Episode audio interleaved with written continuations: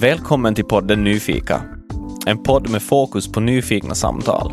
Vi tror på vikten av öppna samtal där man konfronteras med olika åsikter och synsätt. Därför söker vi upp människor som vi är nyfikna på att samtala med.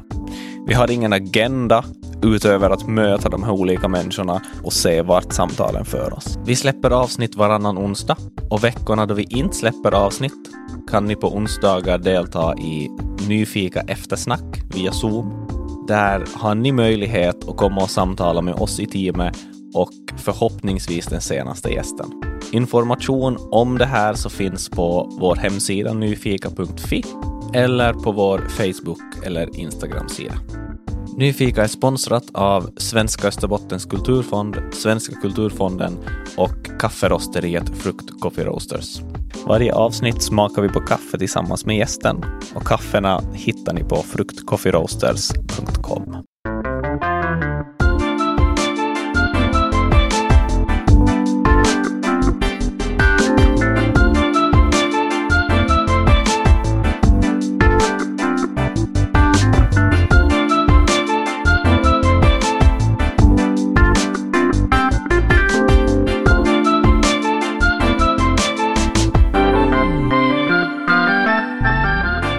Idag träffar vi Oskar Hagen. Välkommen till Nyfika. Hej, tack. Du är konstnär. Stämmer. Vad jobbar du med nu? Uh, just nu håller jag på att göra en bok som jag ska lansera i februari nästa år. Mm. Uh, kombinerat idén att jag ska hyra tomma affärslokaler uh, i Vasa, Åbo och Helsingfors. Okej. Jag gör tre stycken utställningar dag. Jag ska förs- trycka upp 200 exemplar av boken och då sälja dem där. Och så i de här utställningarna så gör jag då alltså så som jag har hållit på en del att göra så här live-performanser. Att jag ritar rakt på väggar och fönster framför publik. Att jag, är som, jag, jag, jag, jag jobbar ganska så här snabbt tempo, så där det går, att jag kan hitta ett system så att jag kan så måla i oändlighet i princip. Så jag brukar utmana mig själv med att göra det framför publik. Okej. Spännande. Finns det en orsak varför du ska hyra tomma affärslokaler för att sälja din bok? Ah, för jag tycker det är en skitbra idé. Okej. Uh, just för att, att jag har gjort en utställning, faktiskt, en Dysterbotten-utställning i Jakobstad på det sättet. Men uh, just det här att egentligen förstår jag inte varför folk inte gör mera sånt, för det är egentligen billigare än att hyra, eller att billigare och lättare att få en tid i ett galleri. Att såklart att det är som, du har inte kanske samma status som att ställa ut i ett fint galleri, men att du har ändå ett utrymme och, och speciellt om det är ett ställe som det kommer gå mycket folk på så, här, så är det ganska lätt sätt att få sådana människor som annars inte skulle gå in i ett galleri eller komma på en konstutställning att komma dit. Så jag tycker om den sidan, att på något sätt sådär göra konst utanför ett konstgalleri. Tycker jag. Nice. Spännande. Mm. Ehm, vi har kaffe. Dagens kaffe eh, heter Benjamin Pass, heter producenten, farmaren. Det är från Honduras. De beskriver det som... Vad är peach på svenska? Persika. Bra. De beskriver det som persika, aprikos och kremigt. Varsågod. Tack, smakar bra. Ja, som jag sa tidigare, jag tycker mycket om kaffe. Ja, det var väldigt, eh, ja men just kremigt, ganska fyllig smak. Mm. Persika, det mm, stämmer. Lite persika-touch.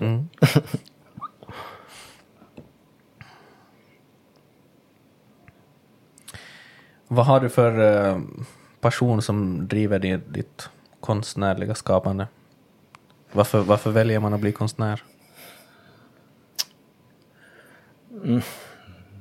Det är väl på något sätt att på senare åren har jag försökt styra mitt liv till att jag skulle få bara det göra det som jag vill göra mest och det är att rita och måla. Mm. Och det slog mig, ja, det slog mig för några år sedan att, att det är då som jag är som lyckligast när jag rör en penna i, som speciellt på en vägg eller stora ytor. Jag älskar att rita stort Mm. också. Nu har, jag, nu har jag gått tillbaka att rita lite mindre när jag håller på med den här boken och sådär. Men, eh, men just det här att bara det känns, jag vet inte, det känns rätt. Och nu, jag har, det börjar sakta men säkert bli så att jag kan hålla på med det. Så det Mm. Men svår fråga varför man vill bli konstnär.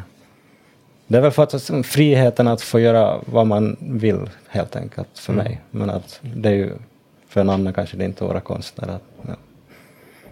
Nej, många skulle ju säga det mest som, som skrämmande för att det inte kanske är så ekonomiskt stabilt som att ha ett fast Ja, det, jobb. ja, verkligen. Det, är- det, är inte, det är inte en trygghet på det sättet Nej. att vara konstnär. Nej. Och det är hela tiden att det är svårt, det är en sak att le, svår sak att leva med tycker jag. Att, att ett år kanske jag kan se fram emot alltid vad som är på gång.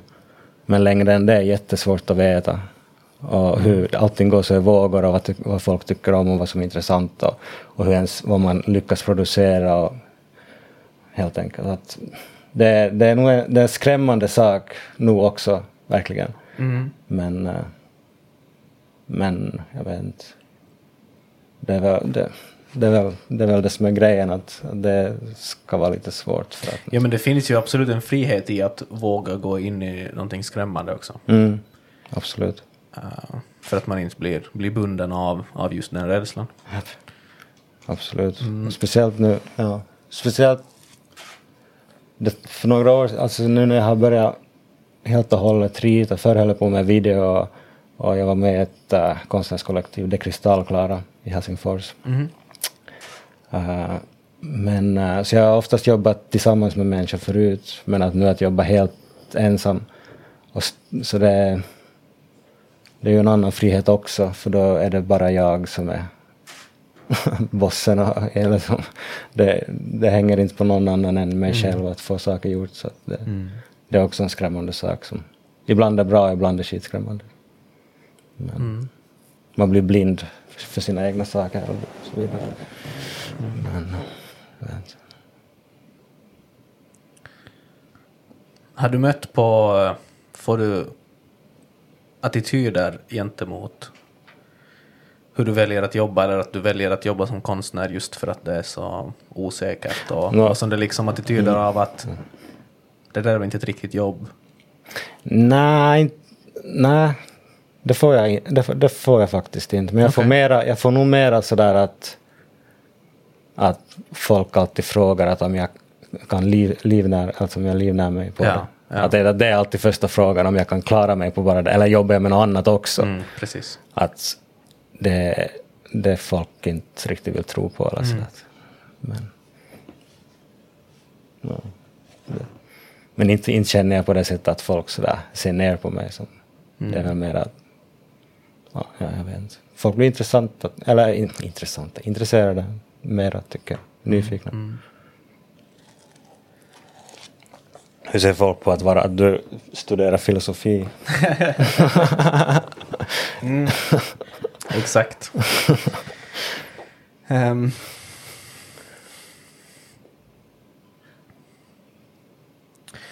alltså,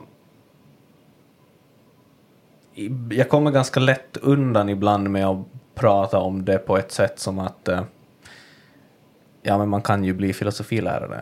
Ja, Alltså, tänkte, för, ja, för att jag, jag började studera matte och skulle bli matte och fysiklärare. Aha, okej. Ehm, och jag har jobbat en del som lärare i, i gymnasiet och trivs jättebra med det och där kan man ju då också undervisa filosofi. Så egentligen eh, vissa av de, de där konversationerna kommer jag ganska lätt undan. Ja, men, Eh, men jag, jag siktar ju inte in mig på att bli lärare sådär primärt. Ehm, sen... eh, ja, men där möter jag kanske främst olika liksom, attityder eller oförstående liksom, inför vad filosofi är egentligen och vad man då... Ja, men sitter ni bara och flummar? Precis. Ja, och det är väl det Fundera, gör. odla skägg. Men jo. Nej. Ja, det, ja. På- det sättet finns det likheter där. Mm. Jo, absolut. Och sen jag menar, man får ju inte ett yrke, man kan inte, man kan inte... Alltså om inte man sen går in i den akademiska bubblan så man, kan, man jobbar ju inte som filosof. Nej, det ja. Om inte, ja. precis. Mm. Om, om inte man driver en podd. Precis, jag tänkte ju säga det att om inte man på något sätt kombinerar det med någon annan. Absolut. Du, ehm, tänker du att du är ute efter att provocera med din konst? Förr var jag mera på det sättet. Mm. Men inte så mycket något mera. Men det kan vara att det kommer tillbaks också. Men jag, jag vet inte. Förr var jag mer så provokativ kanske Mm. och ville sådär, göra sådär chockerande grejer. Och att det skulle vara, för jag tyckte om sånt själv också. Men, Jag såg uh, kortstygnstavlor som du har gjort ja, ja, med, med brinnande kyrkor och precis. legalize drugs and murder. precis. Och, och, och det där var ju... Ja, det kändes ju som att där, där var du ute efter att provocera på något sätt. Och sen fanns det en märkligt charmig kontrast i att det är just kortstygnstavlor eh, som, som är så... Mm. Ja, jag, Ofta är så vackra och liksom... ja, precis. Nej, men det är ju den kontrasten jag var ute efter såklart Mm. också. Och sen att ofta kors, alltså just i Österbotten var jag uppväxt, uppvuxen så nästan alla korsstygnstavlor är ju religiösa också. Eller så här oftast. Mm. Att det är någon, någon sån här Någon bi- bibelcitat. Ja, ja. precis. Eller. Och så vidare. Men, så de, den kontrasten också. Och sen också tycker jag det är roligt med någon sån här, att det tar så länge. Den är sån här, att det som blir ex- extra roligt när man säger någonting lite sådär omo, eller så, som Mm. på det sättet. och- Alltså gör det jättelänge. Och satt ner jättemycket tid på att få fram den där bilden. Mm. Men Du, du gjorde inte det live inför publik då? det skulle vara bra. Livestreama två veckor. Ja, det, det skulle vara beundransvärt om någon faktiskt eh, tar sig tid att se på det. Då. Ja, ja det skulle vara. Men, nej, men det är ju faktiskt ganska länge sedan jag gjorde de här korsstygnstavlorna. Det var Okej. före jag började, före, det var första gången, det var faktiskt en sån här shift i mitt skapande. Eh, för då hade jag just hållit på med, med video och sånt. Och så ut, som, ja, jag, jag gjorde mycket så här VJ-grejer, videojockey-grejer. Okej. Att jag som live tillsammans med band, mest med Crystal Clears och Kristallklara, uh, mixade video till takt med musiken. Då, man säger. Eh, men eh, jag, var, jag ville... Jag var trött på att allting var digitalt att det som hade lämnat kvar någonting, att det var sådär antingen att det bara hände en gång eller sen att det var någon video eller bild på, på nätet och så vidare. Att, att jag ville göra någonting konkret, så någonting så här. Så då, det var därför jag På, började. på, på, på vilket sätt blir ett digitalt, någonting digitalt mindre varaktigt?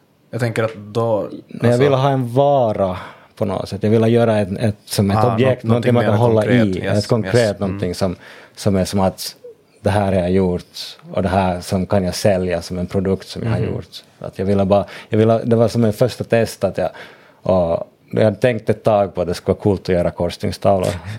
Coolt. Ja. Nej men visst. så, så jag gjorde en utställning i, i eller inte var det meningen först ens att jag skulle göra en utställning men, men jag började göra dem. Mamma lärde mig, det var bra. När vi var på sommarstugan. Hur som helst. Så jag ställde ut i min kompisars butik. Jag hade kanske fått ihop på ett år så här 20 stycken eller någonting. Så i, i min komp mina kompisars retrokläderbutik i Helsingfors eller i Berghäll så ställde jag ut det. Och så var det en ganska bra succé. Jag fick sålt alla och det var sådär att, att jag, jag har skitmycket beställningar ännu. Alltså jag skulle kunna göra jag skulle kunna hålla på med korsstygn om jag, mitt tålamod tog lite slut men jag, jag ska varje, varje år är jag så här att till, det här, till, det här, till den här julen ska jag göra så att jag kan sälja vet du, för det är som perfekt, folk köper det som presenter. Vet du. Ja, det. Just det. Eh, och att, att priserna har inte varit sådär, med tanke på att hur mycket timmar det går åt så har det inte varit så högt pris Nej, ändå. nej, det är knappast rimligt att ta ordentlig timlön. Nej, men jag, om jag i slutet där när jag höll på för de brinnande kyrkorna blev min storsäljare. Mhm. så om jag var riktigt, riktigt, riktigt snabb så fick jag en sån här kyrka gjord på ungefär 13 timmar. Eh, och då var det som jag sålde just för 130 euro. Så jag fick sådär, om jag var riktigt snabb, för 10 euro i timmen. Okej. Men Så Varför- snabb var jag nästan alltid. Varför tror du att de gick åt bra? Mm, de, för att de, jag vet inte. Det är ganska så visuellt tilltalande alltid, brinnande kyrka och hela där dödsmetallscenen eller hela, åh, vet du, som från filmer och, och hela... Det, jag vet inte, den är ganska så här, den pratar för sig själv och man kan väl se många ord. Den är bara fel också. det, det känns som också som så, sådär brutal sådär. Men, men att jag vet inte, alltså jag tycker som, jag inte, jag, har, jag älskar kyrkor, jag är ju en sån som alltid far och besöker alla kyrkor och vill fara när jag är på resa så jag älskar kyrkor, jag vill inte att de brinner alls på något sätt. Men äh, jag kan inte, en, det är ändå sådär visuellt tilltalande, en brinnande kyrka. Så att, ja, på något sätt. Döden av något gammalt och födseln av något nytt eller som sådana grejer. Att, men, men det är inte så seriöst heller. Jag vill, det var ju det som hela Alltså, alltså, det- Korsting sa att, att jag vill att det var ju det som att legalize drugs and murder. Det är också ett, Exakt. ett, ett, eh, från ett album som heter så men, men eh, alltså att inte vill jag ju på riktigt Nej, att alltså det var ju det som kanske var den här ultimata, det ultimata tecknet på att det är lite satir. Ja, ja, absolut. Alltså, alltså 100 procent. Ja, ja, ja. Och det är ju det som jag tycker är roligt i det också. Att det Mm. är som lite over the top. Mm. Så, Vad hade du annars för någon? Eh, save the bees, kill yourself. ja, precis. Ja, finns nog... Gjorde en massa olika. Men... eh, ja, vi ska se. Det kan vara att jag har... Det kan nog vara att det kommer något korsningsprojekt i, i framtiden. Jag har, jag har en idé som jag kanske inte ska prata desto mer om, men, men, men det finns, jag har nog något, det är en rolig teknik. Jag tycker, det som jag tycker om med den också är att det är som så nostalgisk med, jag tänker det alltid som pixlar och som gamla Nintendo-spel. All right. Så att alltid när jag tänker hur en korsstygnsbild ska se ut eller hur det, något objekt ser ut i korsstygn så tänker jag alltid hur den skulle se ut i ett så här 8-bits Nintendo-spel. Just det. Så det, jag tycker att det är bara jätteroligt och, och det är lätt sådär kontrollerbar liksom, grej. Och jag tycker om att det som, jag faktiskt tycker om att det finns den där regeln. Att, att man, att den är, jag tycker om att det ska, vara ganska, det ska inte vara för smått, att det måste vara ganska kökigt, stora fyrkanter så att, det som, att man måste tänka till att hur man ska med sådär minimalistiskt få det att se ut som någonting. Mm. Det är ju intressant då. Du började med korsstygn för att du ville lite komma bort från det här digitala, lite komma tillbaks till någonting gammalt, lite mer konkret.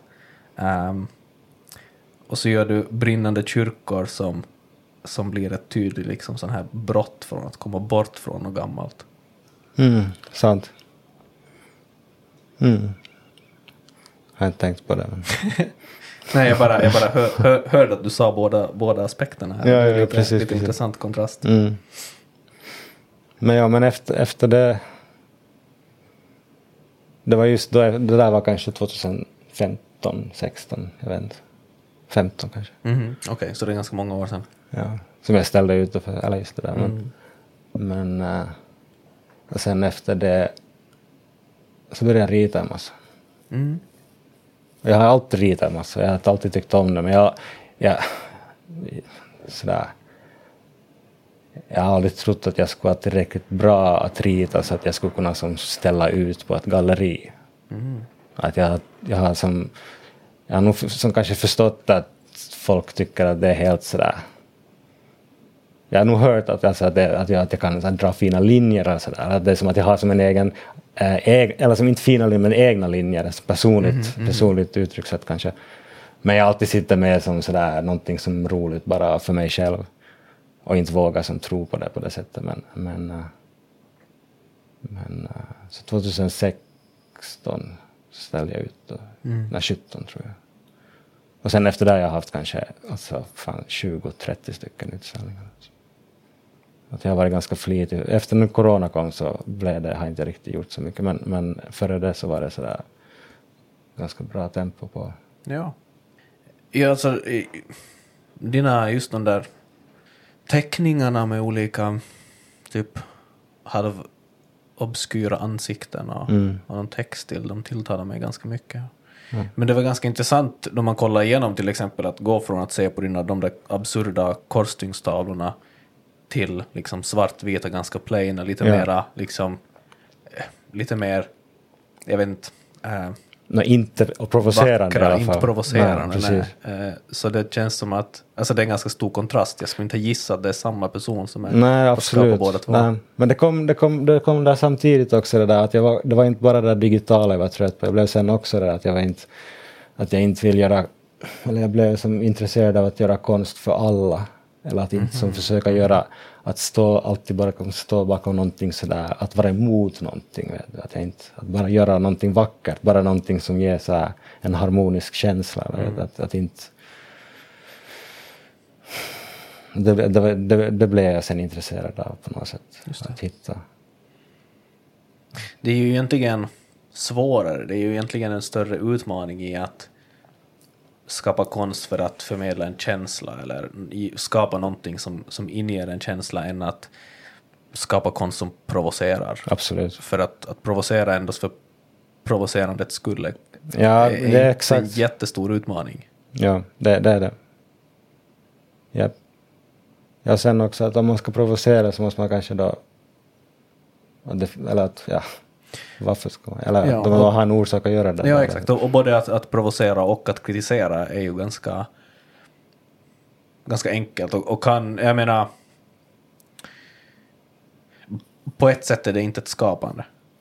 Nej. Alltså man skapar säkert någonting som kritiserar, och någon, men, men om, man, om man endast är ute efter att kritisera eller riva ner så, så det är inte, det är ju i, i det stora hela inte ett skapande. Nej, det är sant. Ja. Det är det. ja. Nej, men så jag slutade kritisera ett tag.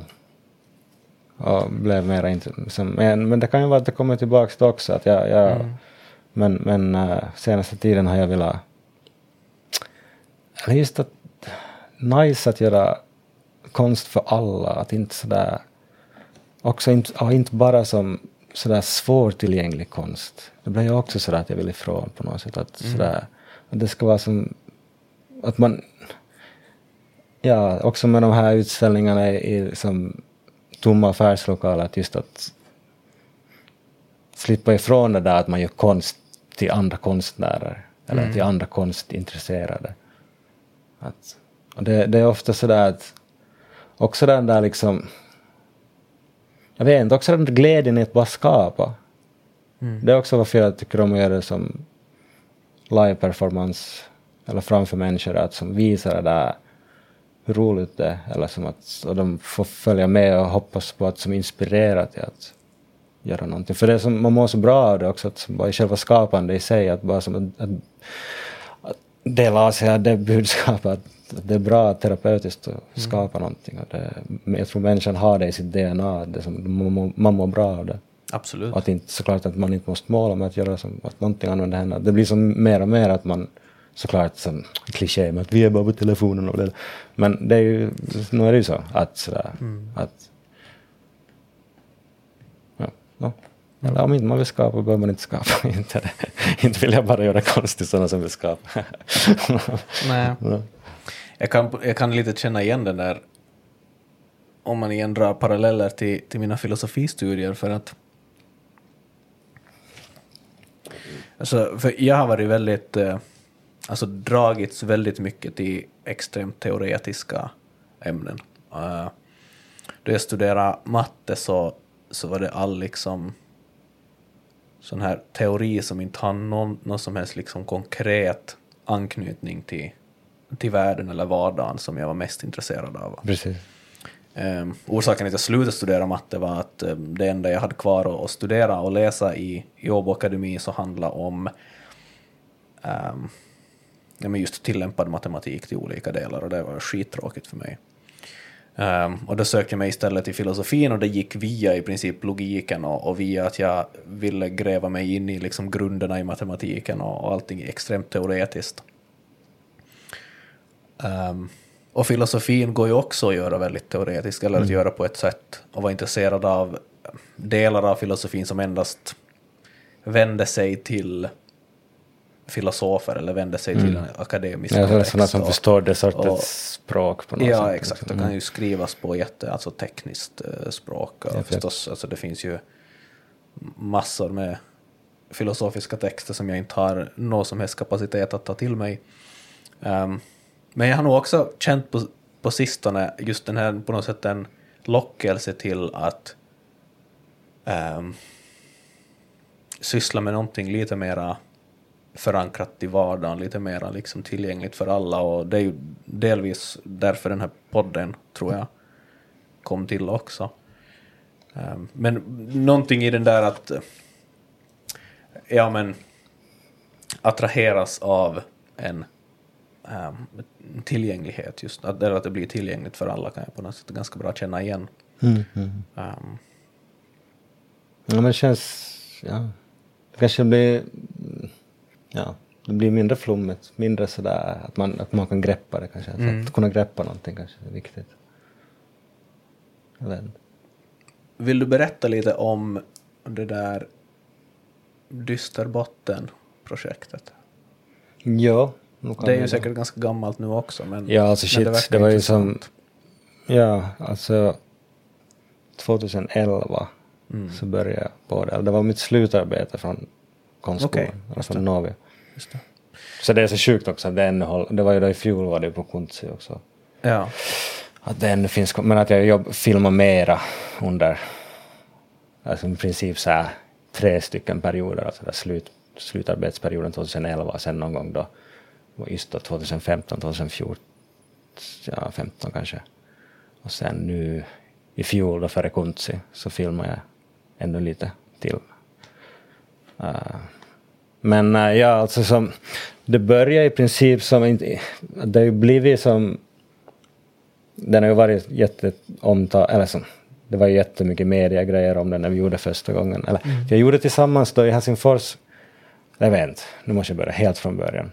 Okej, jag börjar från början. Det var mitt slutarbete. Yes. Och inte var det egentligen som att det nödvändigtvis var att det handlade om droganvändning och sånt, men att det fanns med i den världen. Att jag gjorde som ett personligt porträtt av Österbotten. Och sådana människor jag känner och umgås med. Och såna, jag vill liksom ta upp sådana människor som sådana här musiker och konstnärer och sånt, men sådana som lite har lämnat på utsidan av samhället och kanske som röker gräs från morgon till kväll och inte sådär, eller andra droger, inte vad som helst för droger, men att sådana som blir så här lever ett sådana här kreativ, ska vi säga så här, jag vill ta upp de där som, människor som jag tyckte var jättekreativa och hade mycket att ge, skulle kunna ge, men som spenderade på ett ganska så här passivt sätt. Att de inte gjorde, fick gjort så mycket. Och jag tror att jag ville ta upp på något sätt den där utanförskapen och att, att, att man får en stämpel på något sätt. Att, att man lever efter den stämpeln sen när man har fått den. Här. Jag vet inte riktigt, men det var, det var, det var ganska flummigt, bara ett personligt porträtt av mitt och Österbotten, som en sida som jag inte annars tycker kommer fram. Eh, Så, så fokus var liksom inte att egentligen på drogerna. inte egentligen, det var droger var där inblandat i den där som själva händelserna. Okej. Men inte var det heller som det var på det sättet sådär... Ja. Det var, ja, inte var det på det sättet så mycket fokus på det egentligen. Att det kanske var mer som kändes bara chockerande för folk. För där i den där filmen så är det som att man röker gräs och att hela filmen börjar med att en typ gör, och det är så jätte Österbotten-grej också, att man gör så här acetonhasch. Att av alla så här överloppsmaterial som av kvistar och, och av marijuanaplantan då, som alla kvistar och så här blad och sånt så att det finns ändå kvar så här THC då som det där ämnet som gör en hög då, i- att man kan då med aceton liksom utvinna, att få utvinna det då och sen avdunsta det där acetonet så blir det sådana gegga som man då kan blanda i tobak och röka. Och det är ganska sådär ofräscht. Inte det som, inte vet jag inte säga, jag vet inte desto mer om, om hur farligt det är och så vidare, men, men att det är ganska så Österbotten-grej, det är inte så fräsch grej om man säger så kanske. Nej, nej. Alltså alla, alla sådana där eh, hemmagjorda experiment så låter ju liksom som att eh, det är knappast eh, hemskt Nej. sunt. Nej. Men att det är ju så också, vet du, kanske sådär att det är så typiskt men som att någon som har att man är, har ut, är utan gräs och så tar man då alla kvistar, Tar allt som, som alla, finns. allt vad som finns och bara slänger det aceton och sen sådär. Ja, det låter ju som en österbottnisk attityd att om man, Ja. inte, om man inte har det så gör man det själv av det som finns tillgängligt. Och, Ja. Så Mm. hela den där Dysterbotten, den där första filmen, så det som bör, intro till filmen är det, att han gör det och röker det också sen. Mm. Så det var ju då som speciellt då ganska så extremt och nu är det ju ännu också men men roligast är att ingen förstår någonting. Alltså det, den Dysterbotten visar också just det där att, att det är en ganska egen värld nu som ingen riktigt vet egentligen heller så, faktiskt så mycket om. Att det är ganska sådär att folk Mm. blir ganska sådär att vad fan är det här? att, att, och att, att, ja. Nej men absolut, det är ju som en, alltså det är verkligen en värld som jag inte ser överhuvudtaget. Mm. Um, Men uh, då hade, men så då gjorde, då gjorde jag slutarbete och vi gjorde lite utställningar med den och sådär. Det var, det var det då. Och sen några år senare så gjorde jag tillsammans med min kompis Benny Köhler som är fotograf. Uh, och han hade fotograferat under typ tio års tid eller åtta års tid som droganvändning eller som sådär. Ganska sådär, han hade fått allting men just så mycket en del droganvändning och sådär odlande av, av eh, cannabis och sådär. Så det är sådär den världen, att i princip fotografera den världen. vad, vad var hans syfte i, i att göra det? Han, inte hade han egentligen något, han, det var mera som, eller han hade börjat göra det på grund av att han hade gjort någon sorts utbyte eller varit och jobbat i Kanada då för, nå, före, före det här då. Och, och där hade han blivit som förvånad hur inställningen till cannabis är som så chill. Att just att, jag tror han var och jobbade på någon tidning där eller någonting och det var sådär att alla i redaktionen när de får ut på kejka så som rökte de en spliff och vet du, får, ju- så det I var, Kanada? Ja, att, så att han var sådär att, att, att han blev sådär, och ingen tog det som en stor grej på det sättet. Så han blev som sådär lite förvånad då att, eller över kontrasten då. Och, som, och också som kanske att de som röker dagligen och håller på att de inte heller är som sådär just den där passiva och inte får någonting gjort och är som ar- arbetslösa och sådär. Utan att man har som ett normalt liv och håller på att få saker gjort. Uh, så det var därför han, när han kom tillbaka så var den ännu tydligare på något sätt, den där bilden av att det är som så tabu här och att det är som så att om man håller på med droger så är man på något sätt sådär just lite utanför. Att man, och man vågar inte prata om det så man blir som en, in i en egen bubbla så här helt och hållet.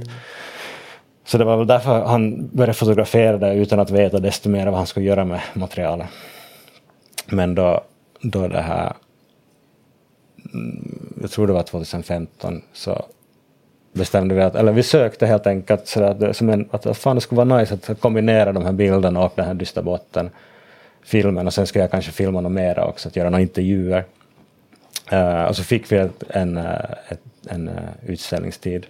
Så vi gjorde det, och lite bidrag och så, och så, så blev det gjort. Och så var det ju som, det exploderade ju den där, det blev ju som, jag tror det sådär, typ på en vecka var det en sån här 18 mediagrejer gjort om det, vet du, som att, för att det var som sådär, att vi på något alla trodde att vi försökte som hänga ut Österbotten som var jättedåligt och vet du, som det bara knarkas här och så vidare. Det var ju inte alls det vad det handlade om utan det var många som vet inte alls ens, det var mycket som det var inte säkert ens så många som såg utställningen eller ens försöka förstå den. Det är bara som det alla hade, det visar bara hur hur, he, vilken het potatis, eller som att man inte sådär, att direkt man pratar om det, och det speciellt också hänger ut Österbotten som med en dålig sida så är det som, att det, det, det var känsligt. Det var mycket, mycket känsligt. Det, och det finns ju säkert jättemycket där som kan vara känsligt för dels Alltså dels bara det med, med Österbotten eller Ja, ja. Eh, Ja, men, Men- Då, när- det var det som jag på något sätt ville alltså Ja, bygga upp de här olika, men att det, var, som, det var då det kom in det här att vi gjorde det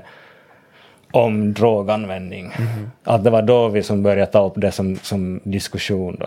Mm. Att, att vi vi gjorde mera som, inte ens för att, att vi ska som på något sätt att driva någon propaganda eller någonting, att det var mera som bara att vi tycker att det kanske går att prata om. Mm.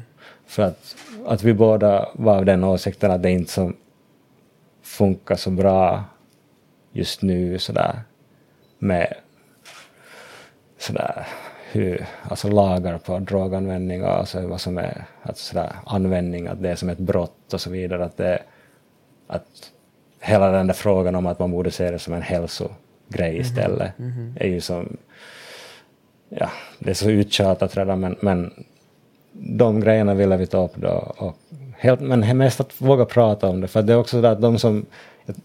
För vi, vi, vi, jag vill att som folk ska må bra och de som har problem ska våga prata om det. Jag tror det är det som förstör människor mest när det är så tabu så att, och att det är ett brott att använda droger. Så att, att, att det som uh, det är lite som orättvist tycker jag att du kan när missbruk och att vara beroende av någonting är som en psykologisk sak som inte har någonting med ämnen att göra. Att det, är du beroende av någonting, vet att då måste du jobba på det. Att det är ju som inte, mm. Du kan ju inte som straffa den människan, inte hjälper man ju situationen någonting, då deras mm. situation blir bara mycket värre. Och speciellt om inte de vågar prata om det för att det blir som för, så det känner jag väl att det är som synd att, att det är så.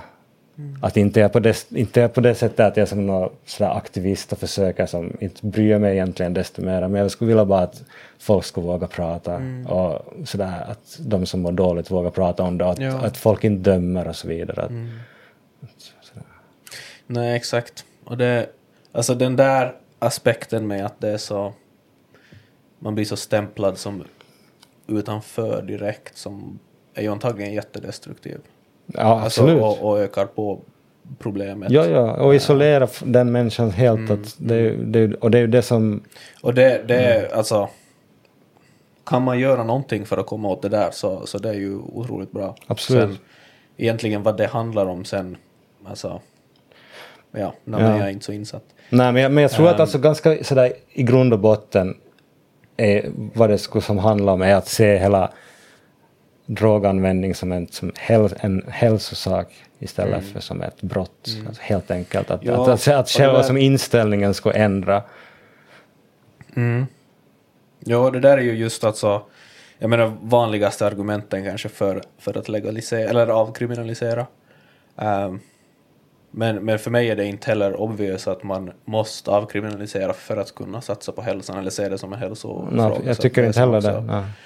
Uh, en annan sån här spaning som jag har kring det här, alltså för att just allting utgående från att vi vill ja, men, få folk att må bättre, mm. så liksom allt som tycker jag att ja, men, det här ska vi prata om, det ska vi öppna upp och det ska vi mm. fundera på, vad gör vi egentligen, eh, på vilket sätt hanterar vi droger som bara är mer destruktivt och hur kan vi göra det bättre.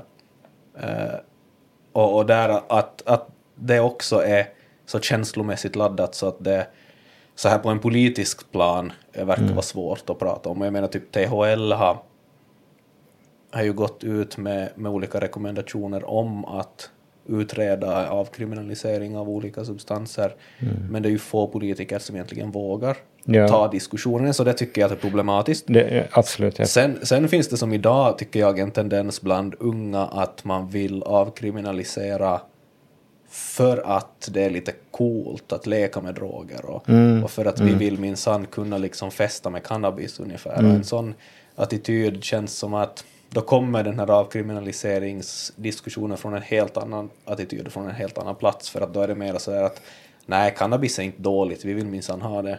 Mm. Mm. Det, den, det, den, men, den attityden skrämmer mig lite grann. Mm. Där är, jag förstår det, jag, jag håller... Ja.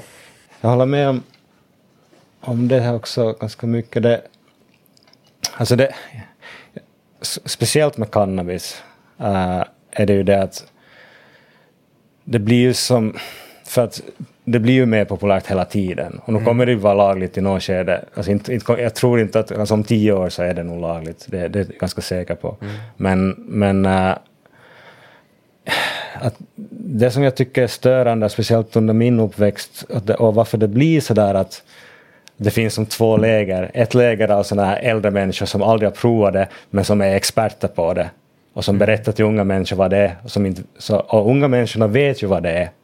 Vet du? Att de, har, som, de har ju mera info om det, men att då lyssnar de inte på de äldre för de förstår att de vet ju inte någonting om det här. Mm. Vet du, vad det handlar om. Mm.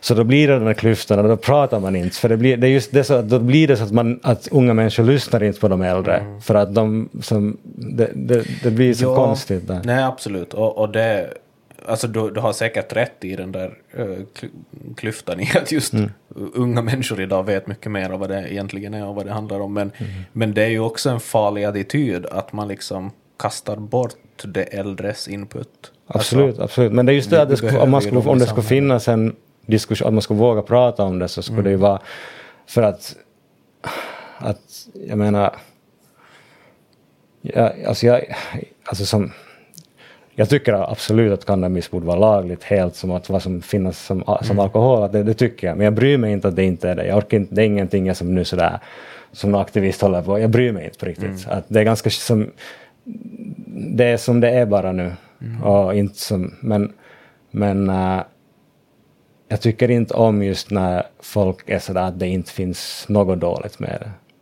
Vet, att, det att det blir som då blir det som de som får bara den rösten till de mm. unga, som är på något sätt att det inte alls finns något dåligt med det. För, att det är som, för vissa människor passar det inte. Och, det, Nej, det är så, och, det, så, och absolut för att nu för tiden är det som så sjukt mycket starkare cannabis än vad det var på 60-talet.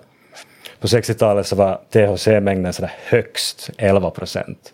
Och nu är en vanlig procent 24-25 men det kan vara upp till 30 procent. Mm. Så okay. att jag menar som våra föräldrar som rökte på 60-70 så det, det, var som inte alls lika starkt ens som nu. Så det, det är som, och, och de som har tendens till psykos och så vidare så, så det, det, som, det är inte för alla. Att jag har, mm. Nu har jag sett också människor som har, som att det har varit jättedåligt för. Det, och speciellt men, för unga. Japp, men det är just det jag menar att det är där det borde finnas en diskussion som man kan mm. prata med unga, och alltså, som att vuxet om vad det är. Mm. Vet du? Att, att, att inte som behandla dem som dumma, det är det. Att det är som bara, bara för att det är olagligt så ska vi bara som prata skit om det, det är bara dåligt. Vet du? För, varför ska man lyssna då? Det är ju inte bara skit. Utan det finns ju jättemycket bra saker med det också. Mm. Att, ja exakt, att, och det där skapar ju en rebellisk attraktion till att, exakt. till att experimentera själv. Ja, ja, det blir det. Och där blir den där klyftan och så blir det ju så att det, det, det, det som finns inte den där informationen. Att just som att jag vet inte, speciellt i Österbotten, jag gjorde då till det Dysterbotten-projektet så var jag till en sån här det var riktat till föräldrar en prat, någon diskussionstillfälle. Där var som poliser, någon, såklart någon präst och någon, någon äh, typ, eller inte var han präst, men han var någon så här, någon, jag vet inte vad jag ska säga, vad är rätt ord Någon sån här, någon kyrko typ som mm -hmm. tycker om att prata mycket. Och, och uh, uh, vad var vann där? Ja, eh, Kaj Nyman, den här polisen från Jakobstad, hur som helst, men, men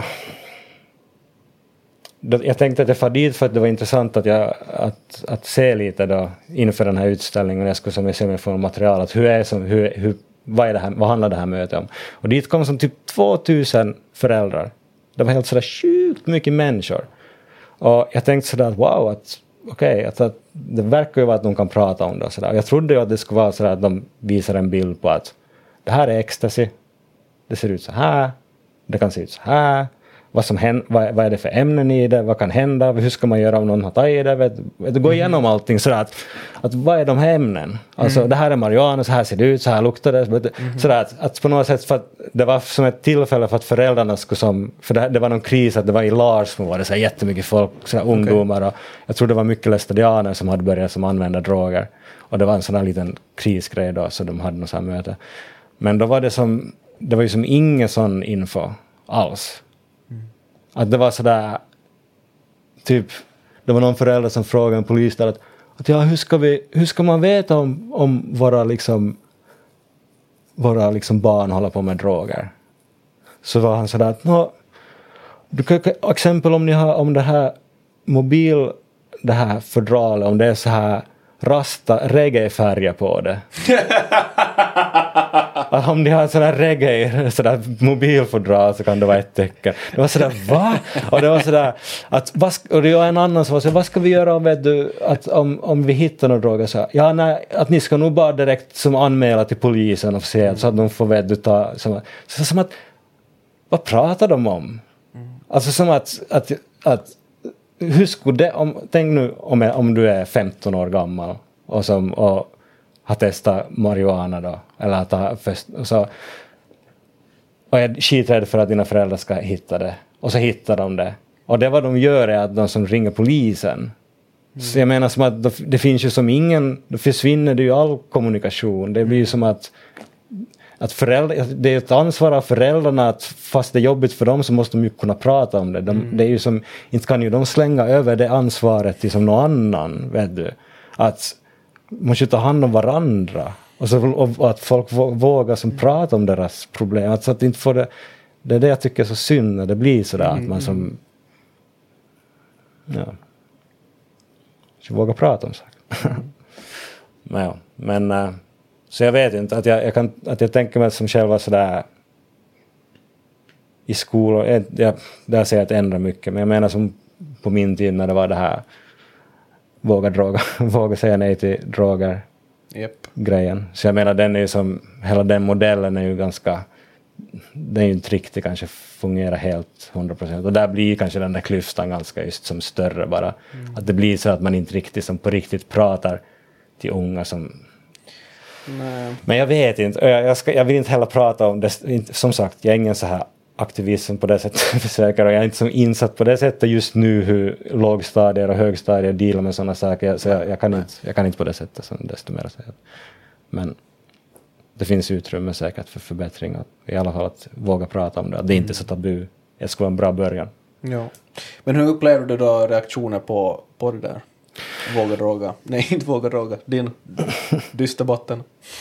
uh, alltså det var ju som... Det har ändrats sådär sjukt mycket på de här sedan 2011. Alltså som så mycket. Då, 2011 när, vi, när, jag gjorde det slu, när, det var då, när jag hade gjort det slutarbetet så ställde vi ut, då visades den i Ekenäs. Så den var med i, det skrevs om den i tidningen då, Dysterbotten 2011 i Ekenäs, eller var det 2012 kanske. Och det var sådär, hon var helt förstörd den här journalisten. Hon var sådär att Osk, typ Oskar Hagen visar i ett långsamt tempo olika kriminella aktiviteter såsom hur man producerar narkotika och sådär användning av droger. Mm. Jag kan inte förstå hur han inte vet har fått något, hur inte lagen har lagt sig i det här eller någonting. Att det är väl bara en tidsfråga typ innan någonting händer. Det var typ sån här recensionen då. Och det här och sen då 2015 så var det också då var det jättemycket reaktioner men det var på ett annat sätt. Det var mer som att man såg som båda sidor, eller mer att de, det blev mycket diskussioner. Uh, men uh, nu då 2020, eller 20, ja, 2020 i fjol så, så det här, det är ju som inga reaktioner nästan alls. Mm. Att det är som helt, folk är, det är som redan sådär det, det, det har ändrat jättemycket. Mm. Att folk är inte som att ja, inte det, det ändrar snabb takt hur, hur folk, hur, som inställningar och, och, vad som är som chockerande och vad som inte är mm. chockerande. Jag vet inte. Intressant. Ja, det... Eller så är det bara för att dyster att jag vet, jag vet inte faktiskt. Mm varför var, var det som... Eller sen om det var på grund av att det är Kuntsi och det var som med sådär ett respekterat så stort galleri så då var det som att en sån där stämpel på att det här är som godkänt. Att det här ja, är okej. Okay, okay. ja. Jag vet inte. Inte vet jag. Nej men så kan det ju vara. Mm. Absolut. Och, och just att då, då, hade, då, då hamnar du i ett fack av liksom etablerad konst på något sätt. Och, och konst, att vi konst som, ska ju prata om svåra grejer eller konst ska vara lite provocerande och då blir det mm. liksom mera... Det kan hända att det är lättare att ta just därför. Ja. Jag vet, ja. Jag vet inte vad det, vad det beror på. Eller så är folk bara trötta på att bry sig om det. Jag vet inte. Eller så var ingen, ingen visste om Ingen visste om att den visades.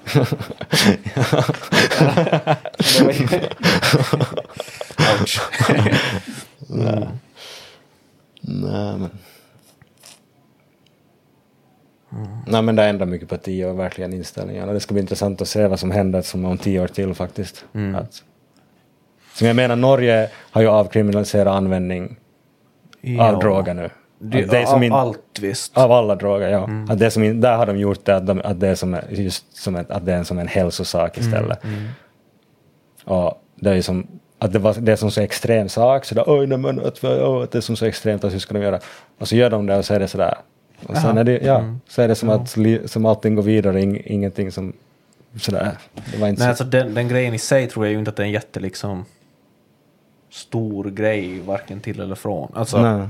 Mm, men inte jag, men jag är faktiskt lite förvånad hur lite det har skrivits här om det i Norge. Mm. För att jag har bara sitter liksom i förbifarten från några svenska mm, debattörer som som vill att man avkriminaliserar allt i Sverige. Typ. Mm. Um, annars, annars har jag inte sett någonting alltså som i Finland som skulle skrivits om det i Norge. Nej. Ja, det, det har faktiskt varit jättelite nyheter om det.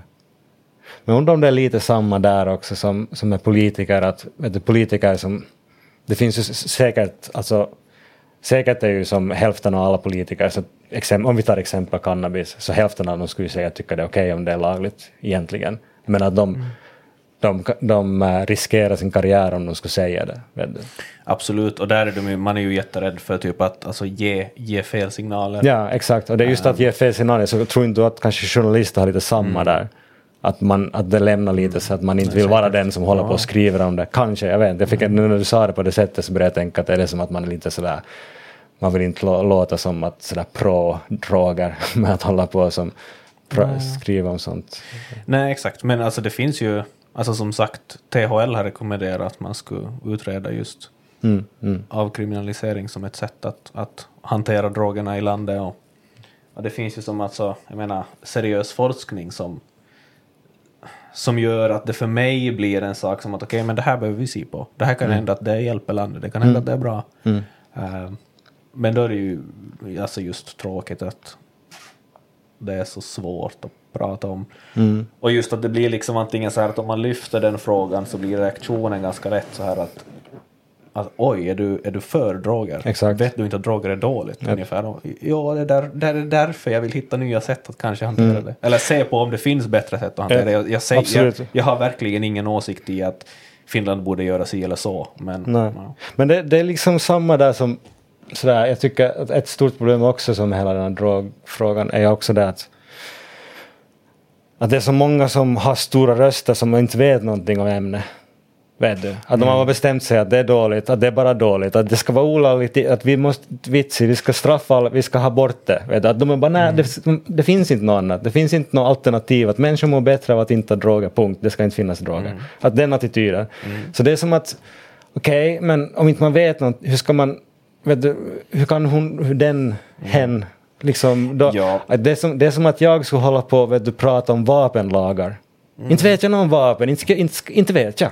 Mm. Inte ska jag som lägga mig mm. i vad som är som... Nu kan, nu kan jag ha en åsikt att, jag, att, att uh, det är väl bra att inte folk har så mycket vapen eller att, att de som har vapen är som seriösa vapenanvändare som vet vad de gör och sådär.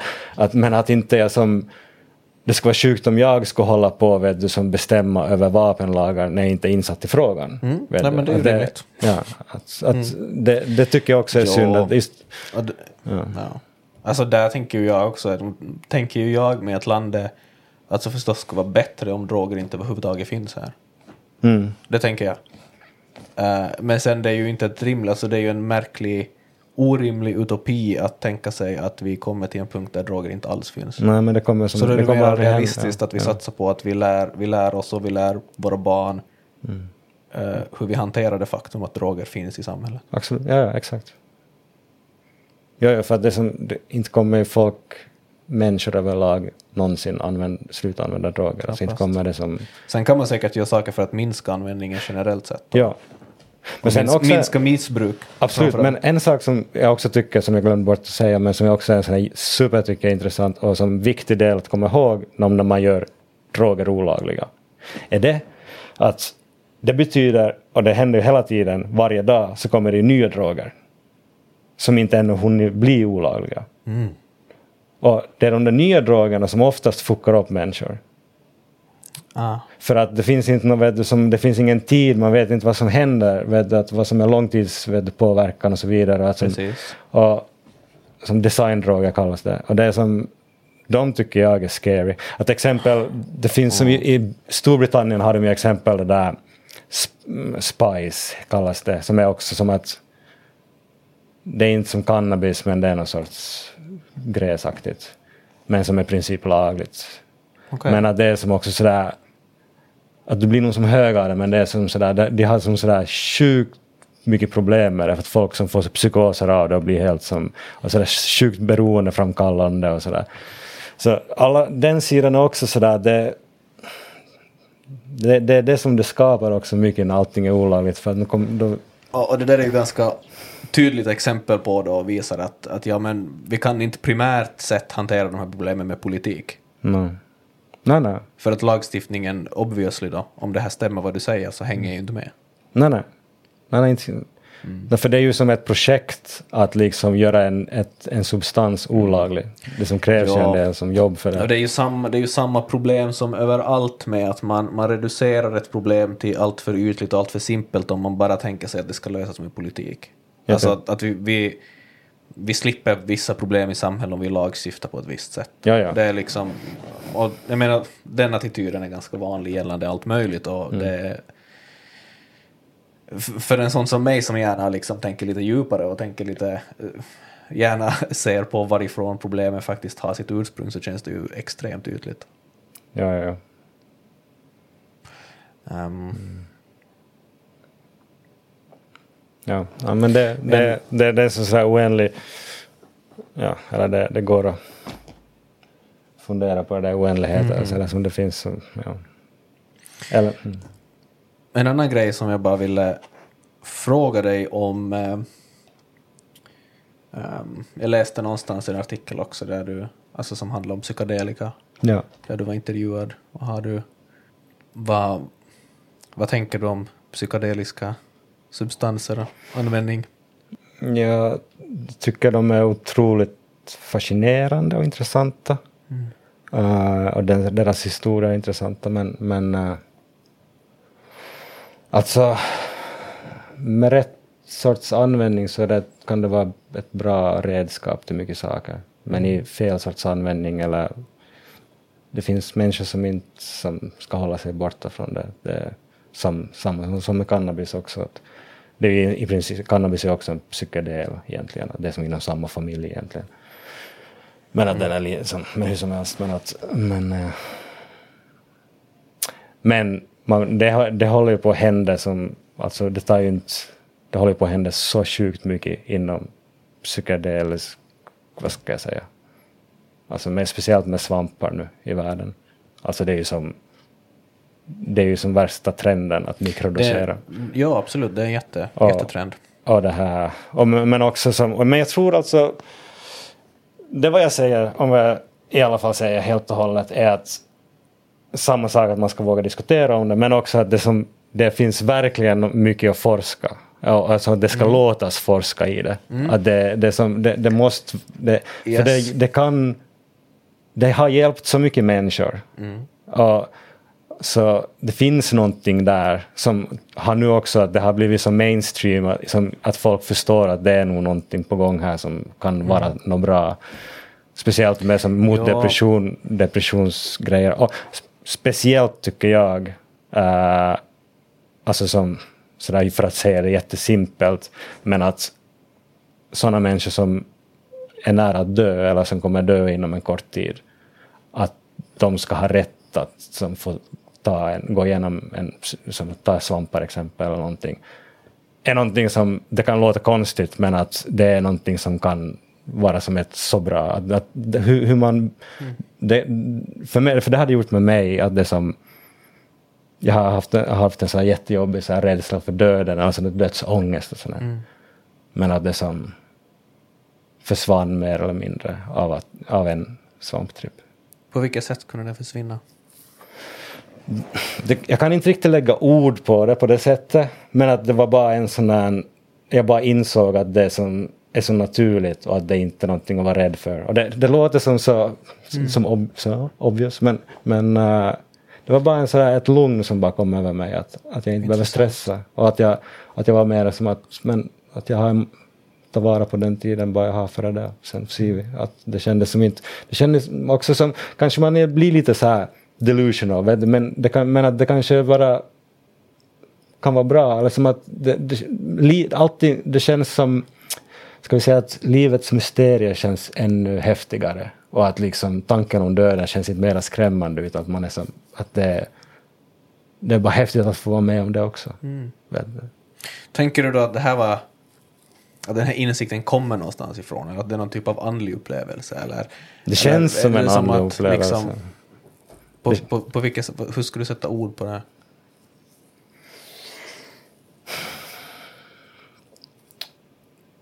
No. Det, man får en sån här känsla av liksom samhörighet med allting. Mm. Att man är som det, att man inte som, som Uh, som att man, inte, att man är del av allting, att, man, att det är inte bara jag, att, att man känner sig inte ensam på det sättet. Mm. Och, och på något sätt det där det som vi inte vet och det som efter den sidan känns trygg och bra, eller det är som jag vet inte hur jag kan, det, det är det jobbigaste som finns att försöka förklara en psykedelisk typ, eller, som, eller den känslan eller det man är i. Alltså som, jag menar, det är ju, som, det är så supervanligt att folk säger att de, det känns som att man träffar Gud eller någonting. Mm. Alltså på stora mängder eller på någon ayahuasca eller DMT och så vidare. Men, ja, så det, det kan kännas så. Det, sådär, jag vet inte. Det, det, det mm, andlig upplevelse, alltså. Jag vet, det, det är så löst att säga det men det, det är vad det känns som. Alltså, inte vet jag. Och det är som också sådär så här också, det, psykedeler är så svårt att prata om. För jag är inte sådär, det är inte heller som att där jag är någon sån aktivist eller någonting. Mm. Att jag är som, jag är ganska som vars, jag är jättevarsam. Jag vill inte heller som försöka som göra reklam för att det är som så jävla bra. Vet att man ska vara superförsiktig. Mm. Jag vill inte som, jag önskar att alla i världen ska få uppleva en bra tripp. Jag skulle verkligen önska att alla skulle få gå igenom och känna ja, det. Det låter ganska aktivistiskt. Ja, men, men jag vill inte att alla ska ta det. Nej. Jag skulle aldrig säga det. Att, vet, vet, du förstår att, att och jag, det är ingen garanti att det blir bra heller. Nej, vet du, att, nej, nej. nej. Att, att det som... Alltså jag, jag tycker att hela den där grejen, alltså för att jag är eh, jag är troende, kristen. Ja. Och jag har, har haft jättemycket, alltså verkligen liksom så här superstarka andliga upplevelser och, och jag är ganska liksom så här tänker ganska mycket på en, en andlig verklighet som jag tror att existerar. Och, och, det finns någonting i, ibland då jag ser några dokumentärer om speciellt DMT och sånt som gör att jag tänker mig att, att okej, okay, men det kan ju hända faktiskt att, att de här substanserna kan hjälpa en att typ släppa några spärrar så att man faktiskt ser den andliga biten som jag faktiskt tror att existerar. Men jag tror mm. inte att det där är enda sättet att få kontakt nej, med Nej, nej, absolut inte. Och det, ähm, det, men nej, det, där är, det där är just det är kanske därför jag ville lite bara... In... Mm. För jag tycker att det är helt intressant på ett sätt. Sen tror jag absolut att det här kan vara extremt destruktivt också. Speciellt alltså... Men som, som allt, allt kan missbrukas. Ja, absolut, absolut. Uh, sen en annan aspekt som jag tycker är, är sådär... Alltså att det nu börjar komma ganska mycket liksom seriös forskning kring hur man kan använda psykedelika i Alltså för att hantera olika typ behandling av depressioner och grejer. Och, mm. uh, det, och, ja, mm. Sånt. Men, men där är det som igen sådär att ja men, men under väldigt då kontrollerade former med någon som faktiskt vet vad de håller på med. Absolut. För att, att vem som helst experimenterar med det här känns ju som väldigt farligt för att oberoende vad det, vad det handlar om, oberoende vad den här upplevelsen är, så det är ju tydligt att det är väldigt kraftiga psykologiska upplevelser. Ja, det är verkligen. För det och, och, och sker det i otrygga former så kan det ju vara katastrofalt, kan jag tänka mig. Alltså ja, ja, speciellt om du gör det på fel ställe och med mm. fel människor eller så, mm. och så vidare och inte känner dig trygg. I, mm. att det, det, Sen, äh, alltså jag har ju aldrig någonsin ens varit full. Just det. Så att jag har ju som inga tendenser i mig själv som gör att jag dras till att vilja liksom få de här upplevelserna. Nej, nej, nej. Eh, så, så jag menar, den här världen är så otroligt alltså, främmande för mig på ett sätt. Mm. Det är ingenting som jag lever i eller dras till, men um, men jag tycker ändå att det är intressant att följa med på något sätt utvecklingen i vad som, vad som händer på det där området. Och, mm. och sen också fundera på just vad, vad är det egentligen i, i Ja, men, men hur pass liksom är de här upplevelserna på riktigt att man får kontakt med en andlighet på något sätt på riktigt eller handlar det bara om någonting som händer i ens hjärna liksom mera så här? Jag tror ju att det som, eller så här ska jag säga, det är väl som ens, ens hjärna men mm. Men så mycket säger jag, men sen är det som att såklart att vad kan vara vad som helst. Alltså, inte mm. säga att det inte kan vara vet du, som en connection till något. Men jag tror att det handlar mycket om att du stänger av dina de här basic instinkt, dina som så här det slänger om ens medvetande och tar fram sidor av din hjärna som inte du annars använder, som mm. finns där alltid. Mm. Men så det, då upplever jag, tror att det finns det där i en hela tiden, det finns det ju. Men att med psykedeler så är det som att du slängs in i det direkt bara. Vet istället för att sådär meditera i 30 år och sen uppnår, uppnår du det som en gång då. Att du som sådär, vet, så nu, nu kan man göra det också. Eller som eller att föda barn eller vet du, som, nu är det som olika stunder som du får en sån här andlig upplevelse mm. vet du, som, som är jätteliknande. Mm. För det, ja. Mm. Jo, alltså jag har ju haft jättekraftiga andliga upplevelser där. Uh, alltså ganska ofta där det känns som att man på riktigt, på riktigt då, vad jag skulle säga, då möter Gud. Mm. Um, som ju inte har, har någon som helst med några substanser att göra. mm. Utan bara... Mm, ja, inte har det ju någonting... Jag skulle ju inte säga att det har någonting med, med någonting annat att göra än ens egen liksom, inställning och ens sökande efter, efter Gud. Typ. Mm. Um, ja, visst. Men jag, jag tycker med inte vet jag om vi nu fortsätter med det där då, men, men också det finns en fara i att liksom blanda in spiritualitet och andlighet för mycket i psykedeler. Att det, för det finns många människor som börjar ta det som för seriöst och som för som mm. sådär, att, att man blir som att man tar det som någon sanning, att det kanske inte som egentligen hjälper ens liv så mycket. Att jag tycker det är som, att det är som ett, ett, ett bra, intressant verktyg och, som att, och jag har ju använt det som också som på det sättet till min konst, eller att det har gett mig sådär att se saker från andra synvinklar och, och liksom det är någonting ja. jag som, som konstnär då kan liksom försöka få ut på papper och, och ge en känsla som, inte, mm. som att, att någon inte, som, att, utan att behöva ta det, eller som att, att det är som själva Ja, men att det, det ska vi ja. säga som en sån här självmedicinering, att det, jag, det, jag skulle vara som, det, det som jag som, om man ser som den där smutsiga dåliga sidan i, i hela den här psykedeliska revolutionen som är på gång, är ju den där som, att folk sådär, det är så mycket som så här självmedicinering, som ja, att de bara sådär, och speciellt om inte man har någon erfarenhet förr eller kom nära som har erfarenhet om det, det då kan det som går dåligt och att man börjar mm. som lägga fokus på helt fel saker. Att bara för att man har haft en andlig upplevelse så har man som, som att man måste kunna jobba, ja. det handlar om hur du jobbar med det efteråt ja, också. Exakt, det som... säkert. Ja, och nu, nu inser jag ju också då du säger det här att eh, alltså, det som jag sa kunde väl väldigt mycket låta som att jag tänker att det här kan vara vägen att hitta fram till Gud och det, det var ju inte liksom vad jag menar. Eller, ja. Uh, men nu är det många som har gjort det de, också. Jag, ungefär så här, jag tror att de här upplevelserna kan vara av liksom andlig karaktär. Jo, jo. Uh, men sen liksom vad man egentligen gör av det. Jo, jo. Ja. 100 procent. Och efteråt och hur du som sen mm. går tillbaka och bearbetar saker. Det, det tror jag det är som, det är, oh, det är som lika no. stort jobb. Eller som det, det är där jobbet börjar. Eller, det är ju intressant liksom som ämne. Mm. Om man tänker då att, att behandla depression exempel. Så mm. det är superintressant att, att du kan som med en dos som tar bort depression för flera år. Yes. Istället för att dagligen hålla på att ta mm. det. Det, det är som, som på papper är det ju som skitbra. Det låter ju grymt effektivt. Ja.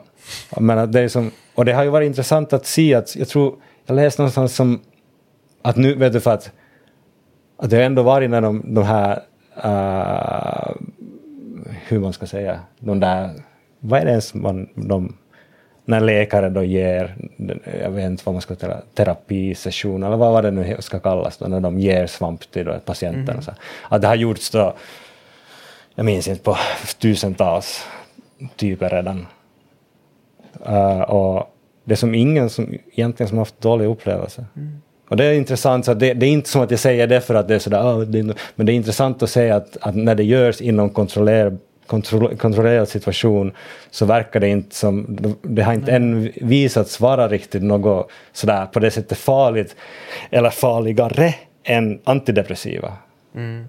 Att, att, Nej, exakt. Och det är det jag tycker att det är helt som sådär intressant och sen också just när man, alltså att inse att alltså många av de här substanserna då också hamnar ju liksom in i den här kategorin som vi stämplar som droger och, och men alltså typ, alltså många av dem är ju inte alltså, fysiskt beroendeframkallande.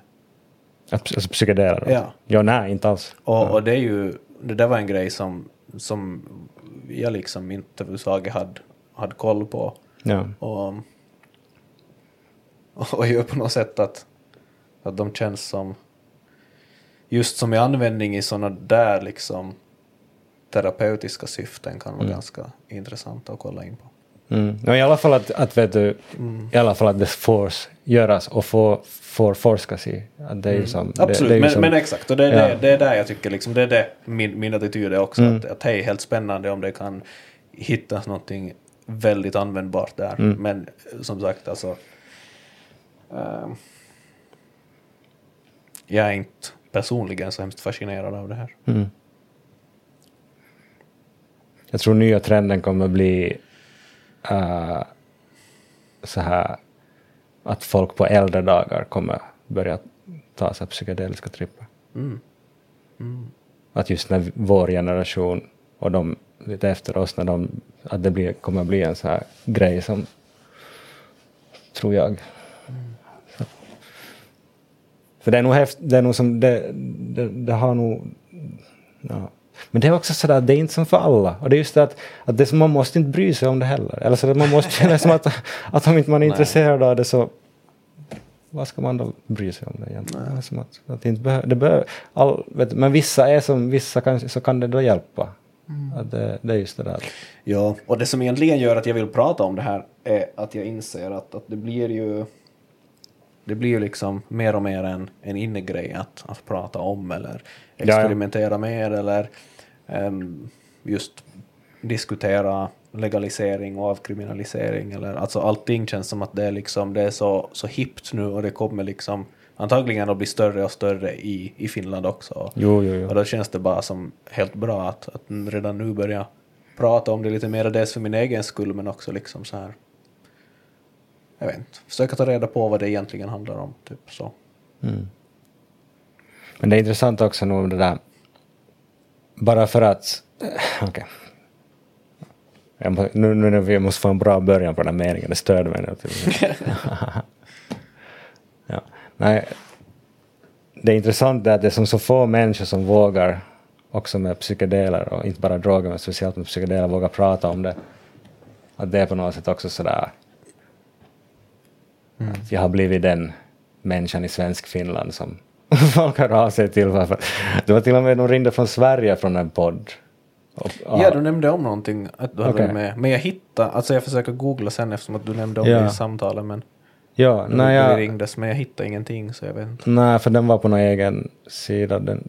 Okay. Men hur som helst, att, just att det visar just hur det är som så tabu och hur svårt det är att folk mm. vågar sådär att klart man kanske vågar prata om det men att våga vara sådär att, jo, att, att, att sådär öppet säga att, att man har testat eller som att våga prata om det på det sättet. Precis.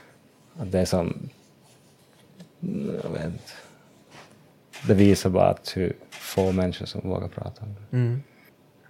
Ja. Så är det.